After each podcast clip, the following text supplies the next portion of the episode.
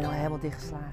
Je bent helemaal dicht. Zeg jij nou tegen mij dat het fout is? We moeten, we moeten nog beginnen. De podcast loopt Jij al zegt- hoor. De Jij zegt podcast tegen loopt mij al. dat het fout is. Oh. Ja, daar zijn we weer. Hallo. Hallo Hans. Hey Ellen.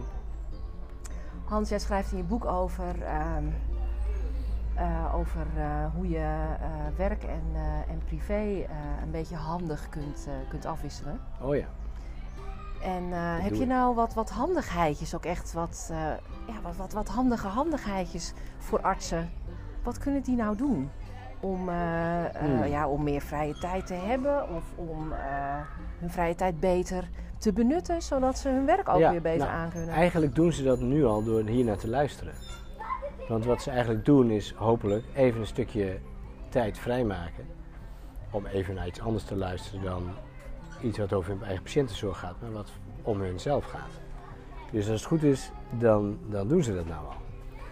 En eh, voor mij werd de formule eigenlijk steeds duidelijker doordat ik ben begonnen juist op mijn werk om daar meer tijd vrij te maken meestal voor mijn patiëntenzorg, maar op de manier zoals ik dat wilde. En soms ook even echt tijd vrijmaken voor mezelf. Dus vroeger had ik altijd spreekuren, die waren rug aan rug helemaal volgepland. En dan had ik eh, bijvoorbeeld ook iets wat, wat heel vaak misgaat, is dat er, eh, tenzij je digitale meetings hebt in een pandemie, maar dat je soms ook even moet verplaatsen. En als je dat rug aan rug plant, dan ben je dus altijd overal of te laat, of, of er gaat iets mis met de planning. Want als je je spreekuur tot 12 uur hebt en je moet om 12 uur met een lunchbespreking eh, in een academisch ziekenhuis beginnen. Waarbij je eerst nog eventjes op een stepje of te voet eh, 500 meter onder de grond naar een zaaltje moet gaan. Dan kom je dus altijd stevast te laat of je doet stevast je patiënten tekort in het spreekuur.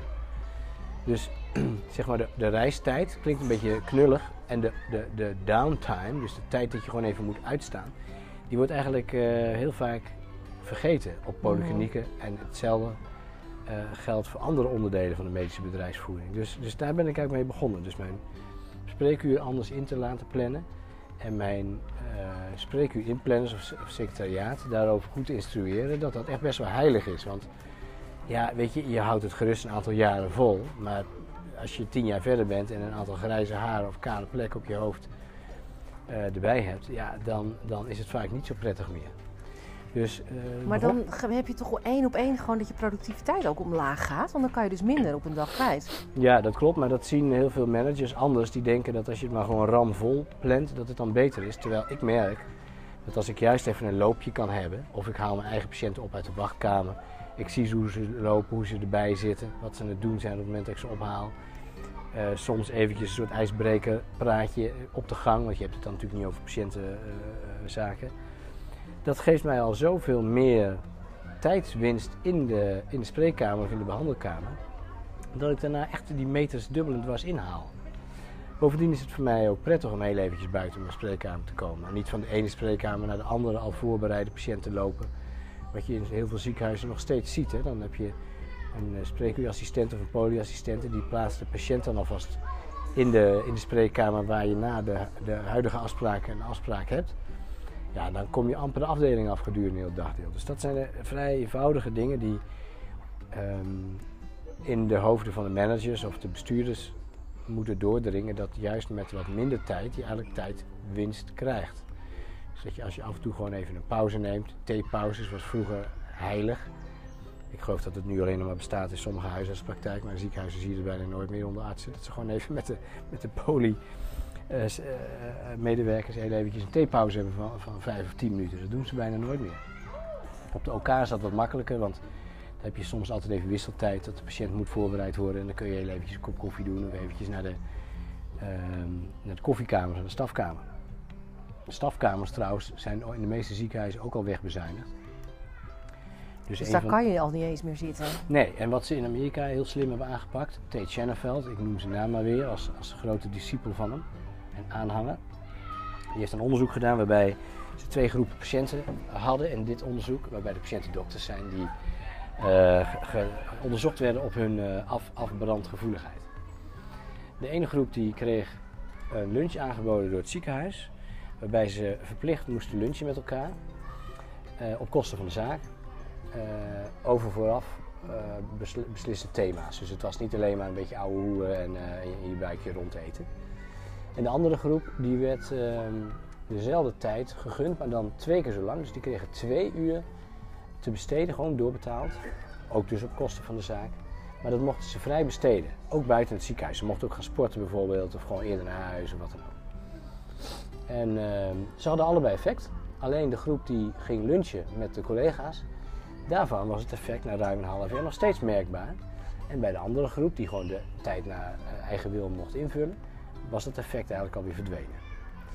Dus het inrichten van een stafkamer, al dan niet met een lunch erbij, eh, dat scheelt significant in het aantal afbrandgevallen onder dokters. En dat scheelt echt weer zo'n sloot met geld, dat hij ook heeft uitgerekend dat dat een kostenneutrale investering is. Nou, dit zijn allemaal vrij kleine, relatief eenvoudige dingen. ehm, om de gezondheid van de gezondheidsleveranciers, hè, wij dus, om dat eh, te verbeteren. We die, die, die gillende knakworst weer hoor. Ongelooflijk. Ja, dat krijg je ervan natuurlijk als je niet eh, gewoon op je, op je kantoor gaat zitten. Hè. Dan heb je het achtergrondruis. Nou ja, dat, hopelijk zijn we nog verstaanbaar. Nou ja. En een ander ding wat ik geleerd heb is wat heel veel artsen al doen tijdens een spreekuur. Namelijk, wat, wat doet een gemiddelde arts voordat hij afscheid neemt van zijn patiënt? Misschien weet je dat, als, ik weet niet of jij als patiënt bent, maar wat doet iemand nou altijd als die, voordat je weggaat, wat, eh, moet je nog even langs de balie om Ik heb geen idee. een nieuwe afspraak te maken? Oh, ik dacht dat hij afscheid van me ging nemen voor altijd.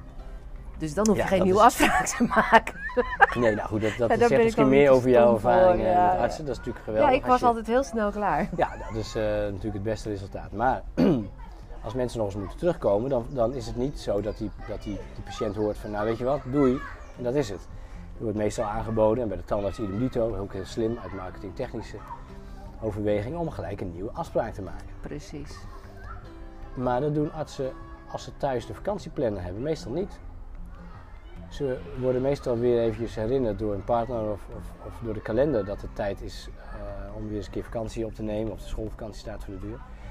En een van de suggesties, die is absoluut niet wetenschappelijk eh, onderzocht voor zover ik het weet, maar die werkt in ieder geval bij veel collega's en bij mij wel heel goed, is dat je uiterlijk op de laatste vakantiedag alweer je nieuwe vakantie plant. Dan hoef je nog allemaal helemaal niet in kannen en kruiken geboekt te hebben en dat je alle boekjes al eh, Oh, doorgelezen toch hebt van musea die je gaat bezoeken, maar dat je in elk geval de ruimte vrij hebt gemaakt ehm, voor je nieuwe ontspanningsritueel, namelijk je verlof of vakantie. Mhm. Dus het gaat eigenlijk over ruimte maken. Ja. Ik heb Ma- Maxwell Maltz wel eens genoemd en die schrijft in zijn populaire miljoenen verkochte zelfhulpboek voor dokters onder andere, maar ook voor iedereen eigenlijk die geen geneeskundige achtergrond heeft.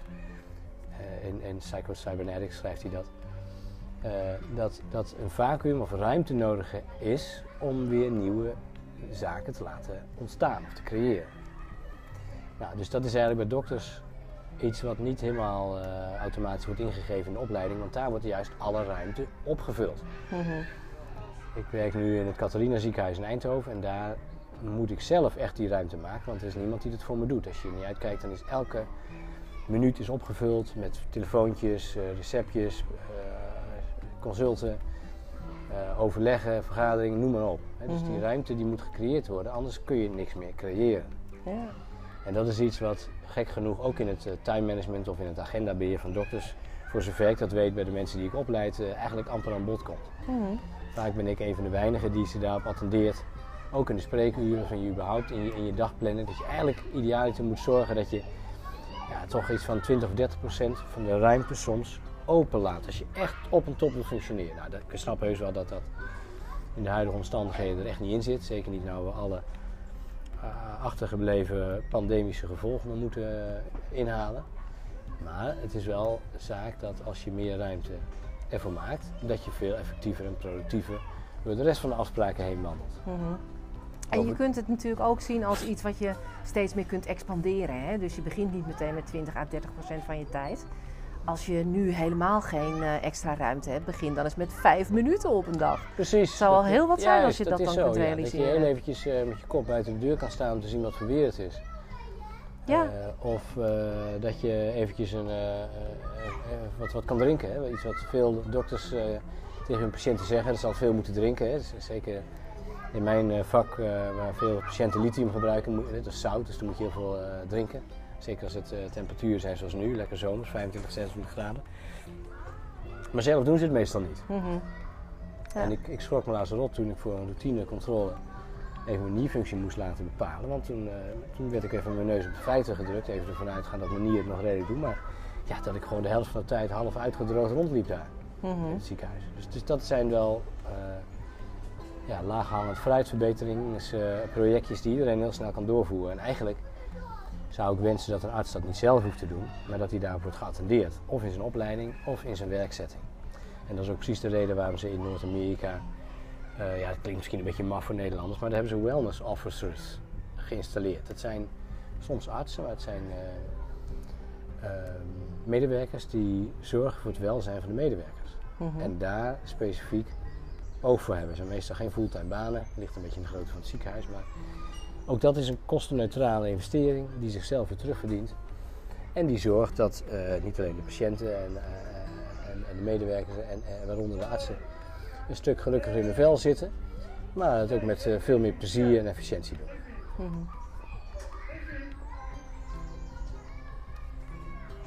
De wellness officer, dat is dus eh, de functie van de toekomst hier in Nederland. nou, ik denk dat Nederlanders in eerste aanleg een beetje te nuchter ervoor zijn. De term alleen al denken, de- denken veel artsen volgens mij eerder aan sauna's of aan een massage of aan granola bars dan iets anders.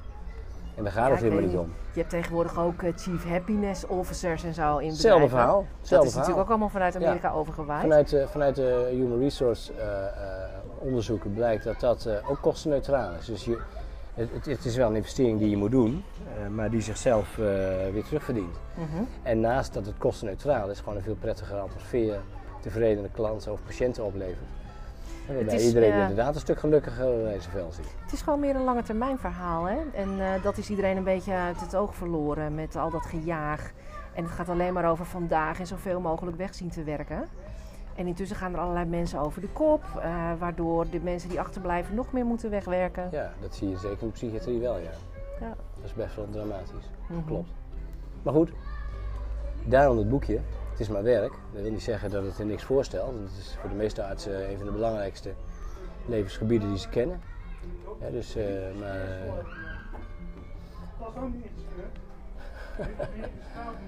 Tegen wie heeft die man het nou weer? Oh, kijk, die zit, ja. Dat is allemaal op het terras gebeurd, hè? Je, maakt het allemaal live mee. Zeker onder het afdakje, waar wij even dachten rustig gaan zitten daar.